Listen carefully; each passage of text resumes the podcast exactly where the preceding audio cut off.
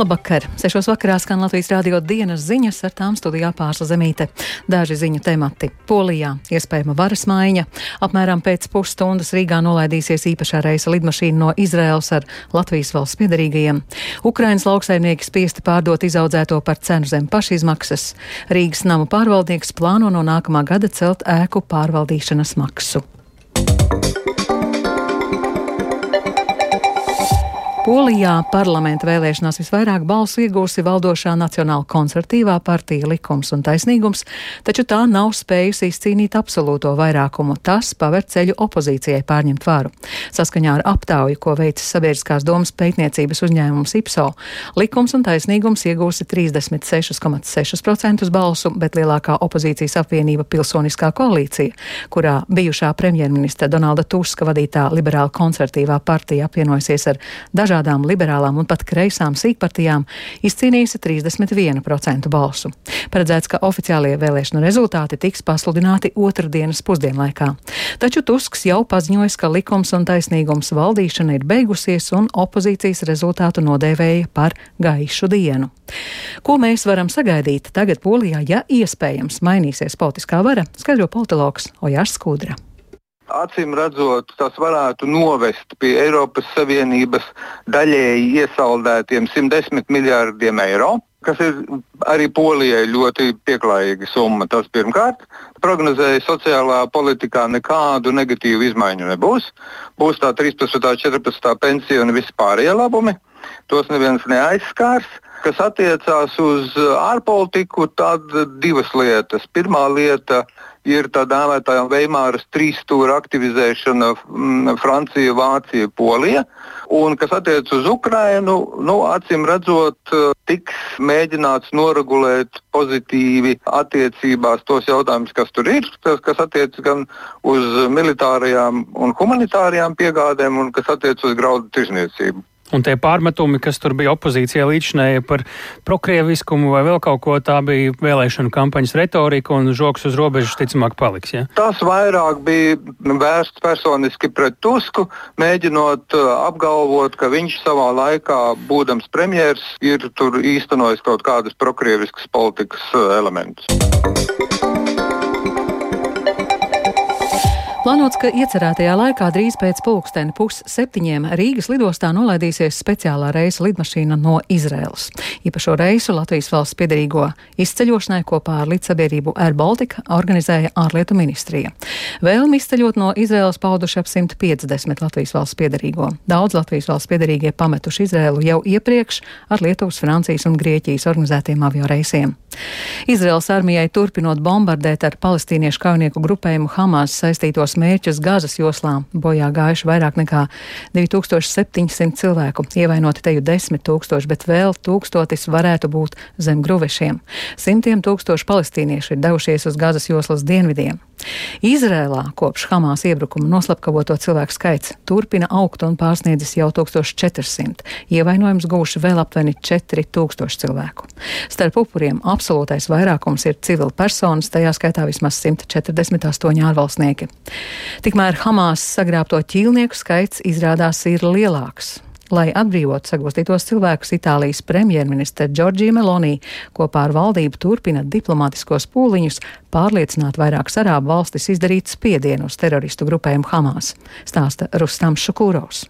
Saskaņā ar Izraēlas armijas sniegto informāciju teroristu grupējuma Hamas gūstā šobrīd atrodas 199 civiliedzīvotāji, tostarp sievietes un bērni. Itālijas ārlietu ministrs Antonio Tajani intervijā radio RTL paziņojis, ka Romā ir labas diplomātiskās attiecības ar vairākām tuvu austrumu reģiona valstīm, kas sarunās ar Hamas grupējumu vadību varētu panākt ķīlnieku atbrīvošanu. Tajani intervijā minēja tādas tuvu austrumu reģiona valstis kā Jordānija, Saūda-Arābija un apvienotie Arābu Emirāti. Jāmin, ka Jordānijas karalis Abdulla II šodien viesojās Romā, kur tikās ar Itālijas premjerministri. Turpinoties Krievijas agresijai un Ukrainas kaimiņu valstu noteiktajiem graudu eksporta ierobežojumiem, sarežģītā situācijā nonākusi daļa Ukrainas lauksaimnieku, kas spiesti atdot izaudzēto par cenām, kas nesedz pat pašizmaksu. Pat labam novākti ap 54 miljoniem tonu visdažādāko kultūra augu, bet uz laukiem atrodas vēl ap 20 miljoniem tonu pamatā kukurūza. Frontei tuvākajos apgabalos ražas novākšana notiek ļoti bīstamos apstākļos. Ukrainas parlamenta agrārās un zemes politikas komisijas loceklis Dmitro Solomčuks stāsta, ka raža padevusies pat labāka nekā sākotnēji gaidīts. Savukārt zemās graudu iepirkumu cenas ietekmē lauksaimnieku spējas sēt ziemājus. Solomčuks saka, ka lauksaimniecībai nodarītie zaudējumi ir desmitiem miljonu dolāru. Весь це розмір збитків аграріїв з початку війни. То... Lai aprēķinātu visu lauksaimniecībai nodarīto postījumu kopš kara sākuma, tad es nezinu, laikam kalkulatoram ciparu pietrūktu. Arī to aprēķināt ir grūti, kā minimums 30 līdz 40 miljārdi dolāru. Tie ir aptuveni iespējamie skaitļi. Precīzi ir grūti aprēķināt, jo simtiem tūkstoši hektāri zemes ir mīnēti, ir iznīcinātas noliktavas un tehnika, ražas, kuras vajadzēja novākt, bet netika novāktas novāktas. Ekoloģiskais kaitējums videi simtiem tūkstošu hektāru būs vajadzīga ilga ekoloģiska atjaunošana. Будуть потребувати довгого екологічного відновлення. Valsts finansētie sabiedriskie mēdīji, ja tie turpina divvalodību, turpina šķelt mūsu sabiedrību. Šādu viedokli konferencē Latviešu valoda, valstiskuma nostiprināšanas, izaugsmes un sadarbības valoda pauda bijušais Latvijas valsts prezidents Egils Levits. Tieši sabiedriskie mēdīji Latvijas televīzija un Latvijas radio konferencē tika apspriesti kā viena no problemātiskākajām vietām publiskajā telpā. Diskusija par latviešu valodas kā vienīgās valsts valodas lomu kļūs aktuāla saistībā ar Nacionālo drošības koncepciju, kurā paredzēts no 2026. gada atteikties no krievu valodas sabiedriskajos mēdījos. Pret to iebilst paši sabiedriskie mēdīji, jo situācijā, kad Krievija īsteno ne tikai fizisku karu Ukrainā, bet arī daudz plašāka mēroga informatīvo karu, agresoru valsts propagandai un meliem nepieciešams pretspars Krievu publikai saprotamā valodā. Konferencē turpretī dominēja viedoklis, ka turpināt sabiedriskajos medijos raidīt arī krieviski nozīmētu turpināt šķelt sabiedrību. Lūk, Levita teiktais. Valsts finansētie sabiedriskie mēdīji, ja viņi turpina arī šo divvalodību, tas tikai turpina šķelt mūsu sabiedrību. Tādēļ es, tādēļ es gribētu piekrist sabiedrisko plašsaziņas padomus loceklis Sanitas Uplejas atšķirīgajam viedoklim no vairākuma, ka to nedrīkst turpināt. Šķelšana ir jāizbeidz. Un divas atšķirīgas mediju telpas, ko mēs turpinājām ar valsts līdzekļiem, starp citu, arī 30 gadus, ir viens no mūsdienu pašreizējās problēmas cēloņiem. Jo šīs telpas nav identiskas, tas nav vienkārši mehānisks Google pārtulkojums Krievijas valodā. Tur ir cits saturs ar citiem uzsvariem. Tā Egils Levits. Skolas un bērnu dārzi šonakt atkal savos e-pastos saņēma draudu vēstules ar nedaudz citu tekstu, bet tādu pašu vardarbīgu saturu. Valsts policija tās izvērtējas un uzsver, ka fiziska apdraudējuma nav un iestādes var turpināt darbu. Taču par spīti vairāk kārtējiem aicinājumiem nesatraukties, daudz vietu bērnu un vecāku vidū tomēr uztraukums par notiekošo valda. Kā rīkoties vecākiem, kā nomierināt savus bērnus, skaidrot situāciju un ko galu galā darīt izglītības iestādēm. Plašāk Agnija Lazdiņa. Zvans uz stundām skolā šodien skan kā ierasts, un ārēji manīt neko nevar. Taču jau atkārtoti šonakt izglītības iestādes savos ēpastos saņēma draudu vēstules. Pēc to atkārtotu saņemšanas valsts policija ir informējusi skolas un bērnu dārzus par tālāko rīcības plānu, tāpat aicinot iedzīvotājus sekot policijas norādēm, saglabāt mieru un neļauties panikai. Rīgas valsts trešās ģimnāzijas direktors Andris Priekulis stāsta, ka primāri skola rīkojas atbilstoši valsts policijas instrukcijām. E-klases sistēmā mēs informējām vecākus un uh, mēs lūdzām klases audzinātājiem pārunāt ar skolniekiem klases stundās, skaidrojot un mēģinot uh, izprast, uh, lai skolnieki kritiski domātu un nereaģētu. Sazinās ar valsts policiju un informē vecākus arī Ikšķilas vidusskola, kas stāsta skolas direktora pienākumu izpildītāja Solvita Zirne. Skolēniem jautājumi par notiekošo ir, taču lielu satraukumu vai bažas skolēnu vidū nav nācies novērot. Mēs esam pārunājuši drošības noteikumus un esam arī pieņēmuši lēmumu kopā ar skolas vecāku padomi, ka skolā šobrīd, ja bērni ir aizmirsuši mājās kādu lietu vai mantu, ka tā netiek vairs ienesta. Un katru dienu mums skolā dežūrē pašvaldības pašvaldības policists, kas nepārtraukti staigā un skatās un vēro drošības skolā.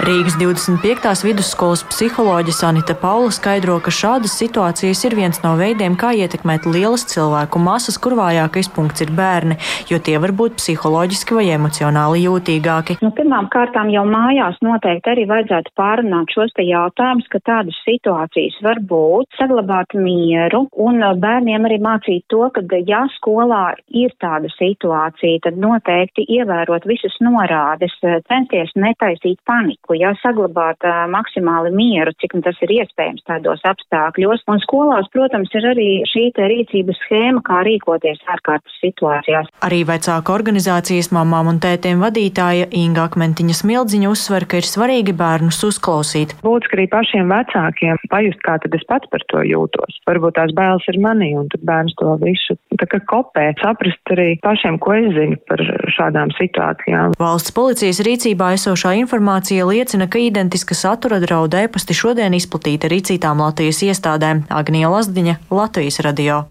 Rīgā vairāk nekā 150 tūkstošiem Rīgas nama pārvaldnieka klientu no nākamā gada maksu par daudzdzīvokļu ēku pārvaldīšanu paredzēts paaugstināt vismaz par vairākiem eiro. Tāds plāns neizpratni radīs Rīgas domē, kur šodien gaidāma atbildīgās komitejas ārkārtas sēde. Vairāk Viktora Demido ierakstā. Cenu pieaugums no nākamā gada attieksies uz trīs tipu daudz dzīvokļu mājām - liela, vidēja un neliela izmēra. Lielas mājas ir tās, kurās ir vismaz 60 dzīvokļu, vidēja izmēra mājas ir līdz 60, savukārt nelielās mājās ir līdz 12 dzīvokļu. Vislielākās izmaiņas skars tieši nelielas mājas, kuru dzīvokļu saimniekiem par viena kvadrātmetra apsaimniekošanu vajadzēs maksāt vidēji par 21 centu vairāk. Tas ir bez pievienotās vērtības nodokļa. Ja to pieskaita, tad, piemēram, par 50 km2 lielu dzīvokli nelielā mājā no nākamā gada nāksies maksāt vidēji par 12 eiro vairāk, savukārt liela izmēra mājā vidēji ap 5 eiro. Maksa paliks nemainīga vai samazināsies vien dažiem tūkstošiem klientu. Rīgas namu pārvaldniekā skaidro, ka ar tagadējiem tarifiem nosekt izmaksas nevarēja jau pērn, turpina uzņēmuma pārstāvis Krists Leiškauns. Vairāk necelt nav iespējams, ir nepieciešams šobrīd turpināt celt pakalpojumu kvalitāti un arī šīs te atalgojumu atalgojumu virknē grupu. Es runāju gan par inženieriem, gan par sētniekiem, gan par man pārņiem. Un atalgojums viena no lielajām daļām. Papildus ietekmē arī tādi faktori kā būvniecības izmaksu pieaugums. Rīgas domas mājokļu un vides komitejas deputāts Valdis Gavars no Nacionālās apvienības Latvijas reģiona apvienības kopīgā saraksta, kurš ir arī diplomēts īpašuma pārvaldnieks, uzskata, ka pašvaldības uzņēmums rīkojas nekorekti. Es uzskatu, ka tas nav pamatots. Bija tad drīzāk jārunā ar katru mājas īpašniekiem, un tad sarunu ceļā jāpaceļ pamatojot, ko darīs labāk, ko darīs aktīvāk nekā tagad dara. Situācija ir tāda, ka nav īsti laba apsaimniekošana, nenotiek. Šo jautājumu mājokļu vides komitejas deputāti ceturtdien vērtēs ārkārtas sēdē. Viktors Demidovs, Latvijas radio.